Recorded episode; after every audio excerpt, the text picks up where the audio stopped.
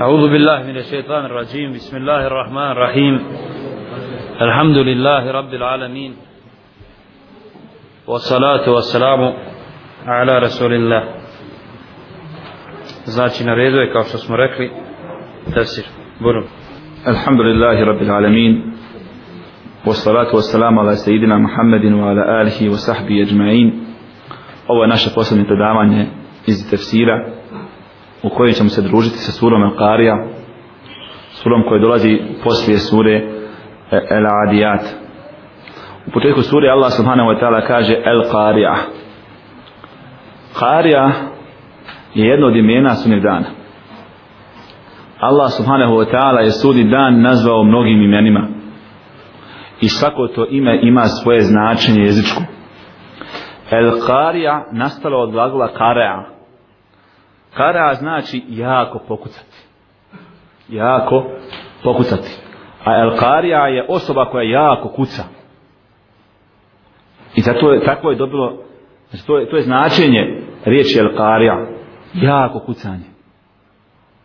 Kažu lema Allah joj dao takvo ime dao sunnim dan takvo ime zato što će prodrmati ljude. Jako pokucati na njihova srca nego potresti njihova srca. Znači ovdje se kaže El Qarija misli se na jedno dimjena sunni dana od jezičkog značenja to znači jako potresanje ili kucanje. Kaže Allah Mel Qarija smak svijeta je sudni dan. Šta je to smak svijeta? Šta je to sudni dan?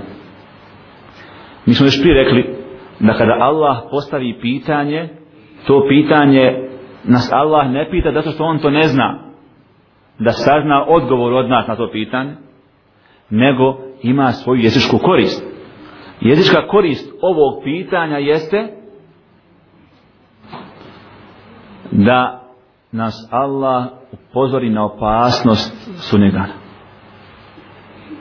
Kao što danas čovjek ima dijete i kaže mu drogeraši, znaš li ti šta su drogeraši? Ne pita svoje djete šta su drugi on zna dobro bolje od djeteta šta su, a želi, da uplaši svoje dijete. Da ga zastraši time. Tim tonom kojim, kojim izgovorite riječ. Še kaže Allah, el qarija, mel qarija, wama edrake mel qarija smak svijeta šta je smak svijeta i šta ti znaš o smaku svijeta kaže Allah subhanahu wa ta'ala poslaniku sallallahu alaihi wa sallam mi smo već na našem prvom predavanju rekli da je svako obraćanje poslaniku obraćanje nama. Kada Allah kaže poslaniku šta ti znaš šta je sudnji dan? U isto vrijeme govori svakom pojedincu od nas. Svakom pojedincu od nas Allah govori ove, ove riječi. Kada je naveo ova prva tri ajeta Allah subhanahu wa ta'ala je sam odgovorio na posljedno pitanje.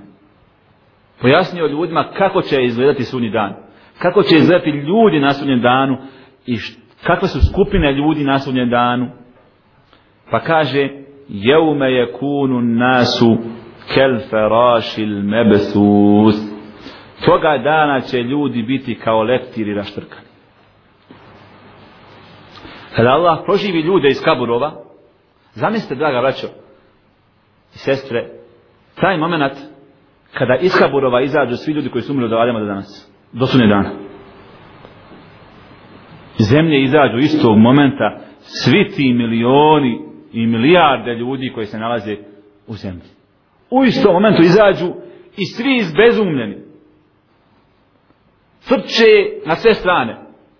Niko ne zna kuda će svako govori nefsi i nefsi. Da mi je sebe spas, da mi je sebe spas. Zamislite samo to, da insan može zamisliti. To od gajba. Ne može znati kako je to, ali samo da čovjek zamisli da danas sada u ovom momentu izlaže jedno 20 milijardi ljudi iz zemlje. Samo da svi zaniženje koji spomili ovdje. Ne se čaše mogu hodati. Ne bilo mjesta nikoga. Strahota da ljudi shvate da su izašli iz kaburova i da pođu bježati, a svi će umrijeti ljudi.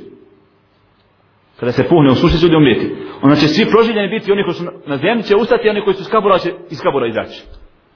I svako će početi bježati. Allah to stanje opisuje, kaže, Jevme je kunu nasu kel ferašil mebthuth. Toga dana će ljudi biti kao leptiri raštrkani. Kad ne odete na livadu, jeste ikad vidjeli da, da deset leptira leti u jednom smjeru ovako?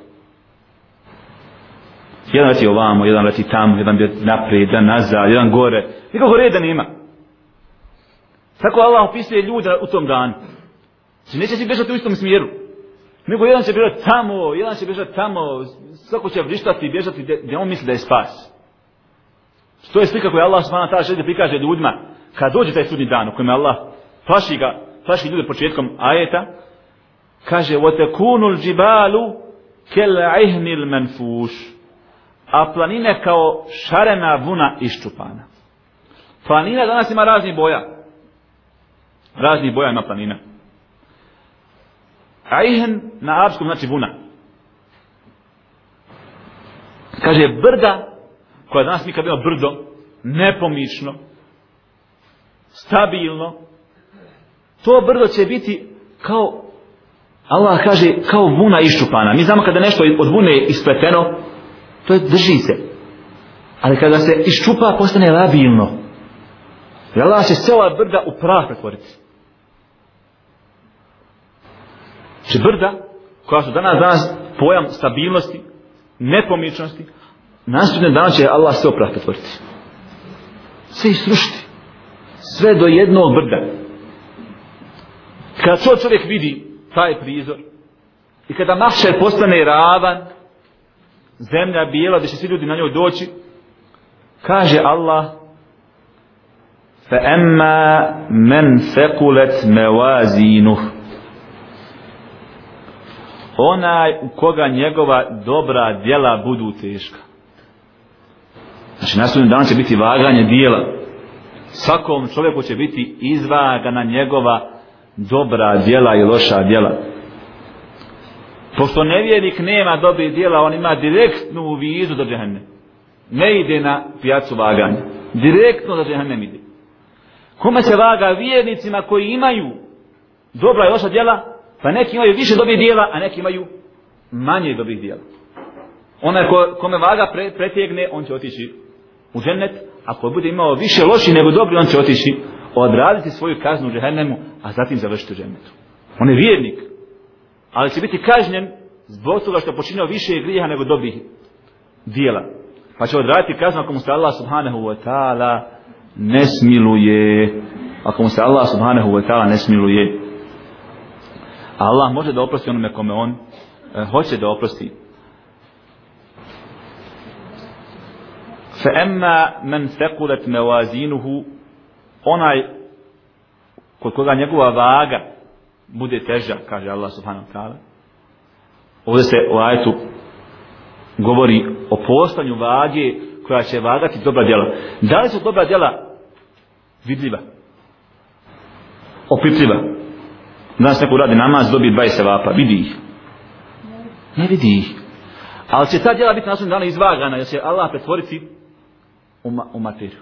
Vidjet će se. Vidjet će se, pa će biti vagana.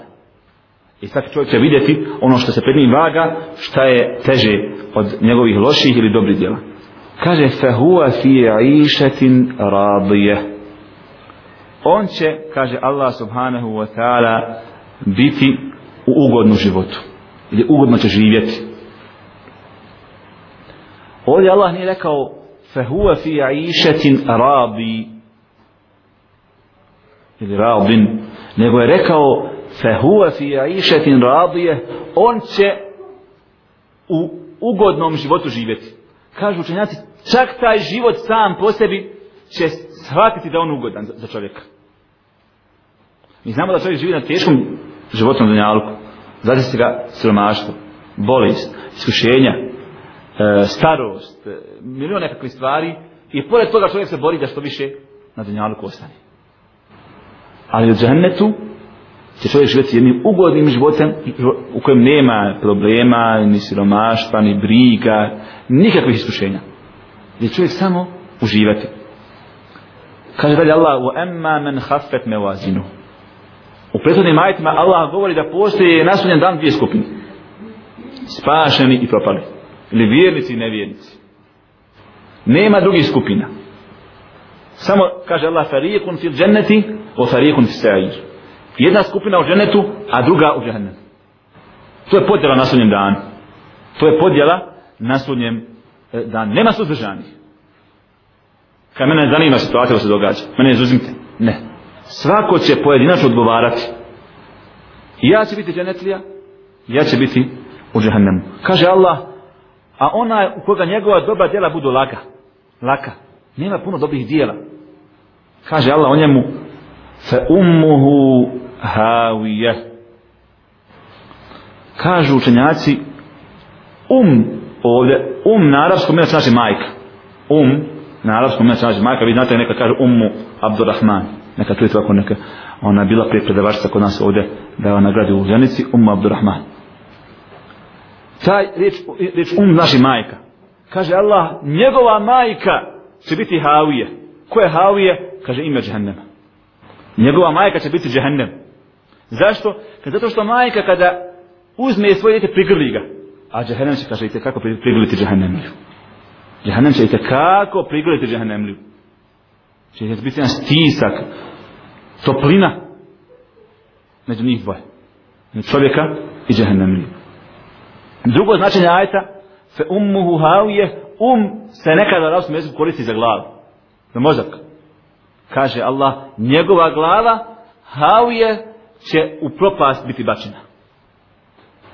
To je dva tefsira uleme po pitanju ovoga ajta. Prvi, njegova majka će džahnem biti i drugi, njegova glava će u džahnemu biti. Znači, bit će bačen na glavu u džahnem. Bit bačen na svoju glavu e, u džahnem.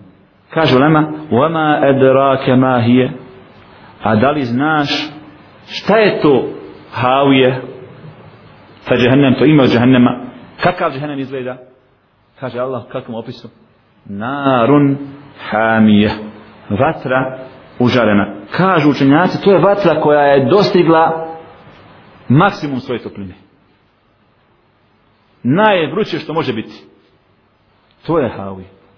najveći stepen topline koja je vatra e, vatra e, dostigla ima muslim prenosi od Ebu Hureta radijallahu anhu da je poslanik alaihi sallam rekao narukum hadihi allati yuqidu ibnu adame juz'un min seba'ine juz'in juz'an min harri jahannama kaže poslanik ali sam, ova vatra koju čovjek pali na dunjaluku je 70. dio džehennemske vatre.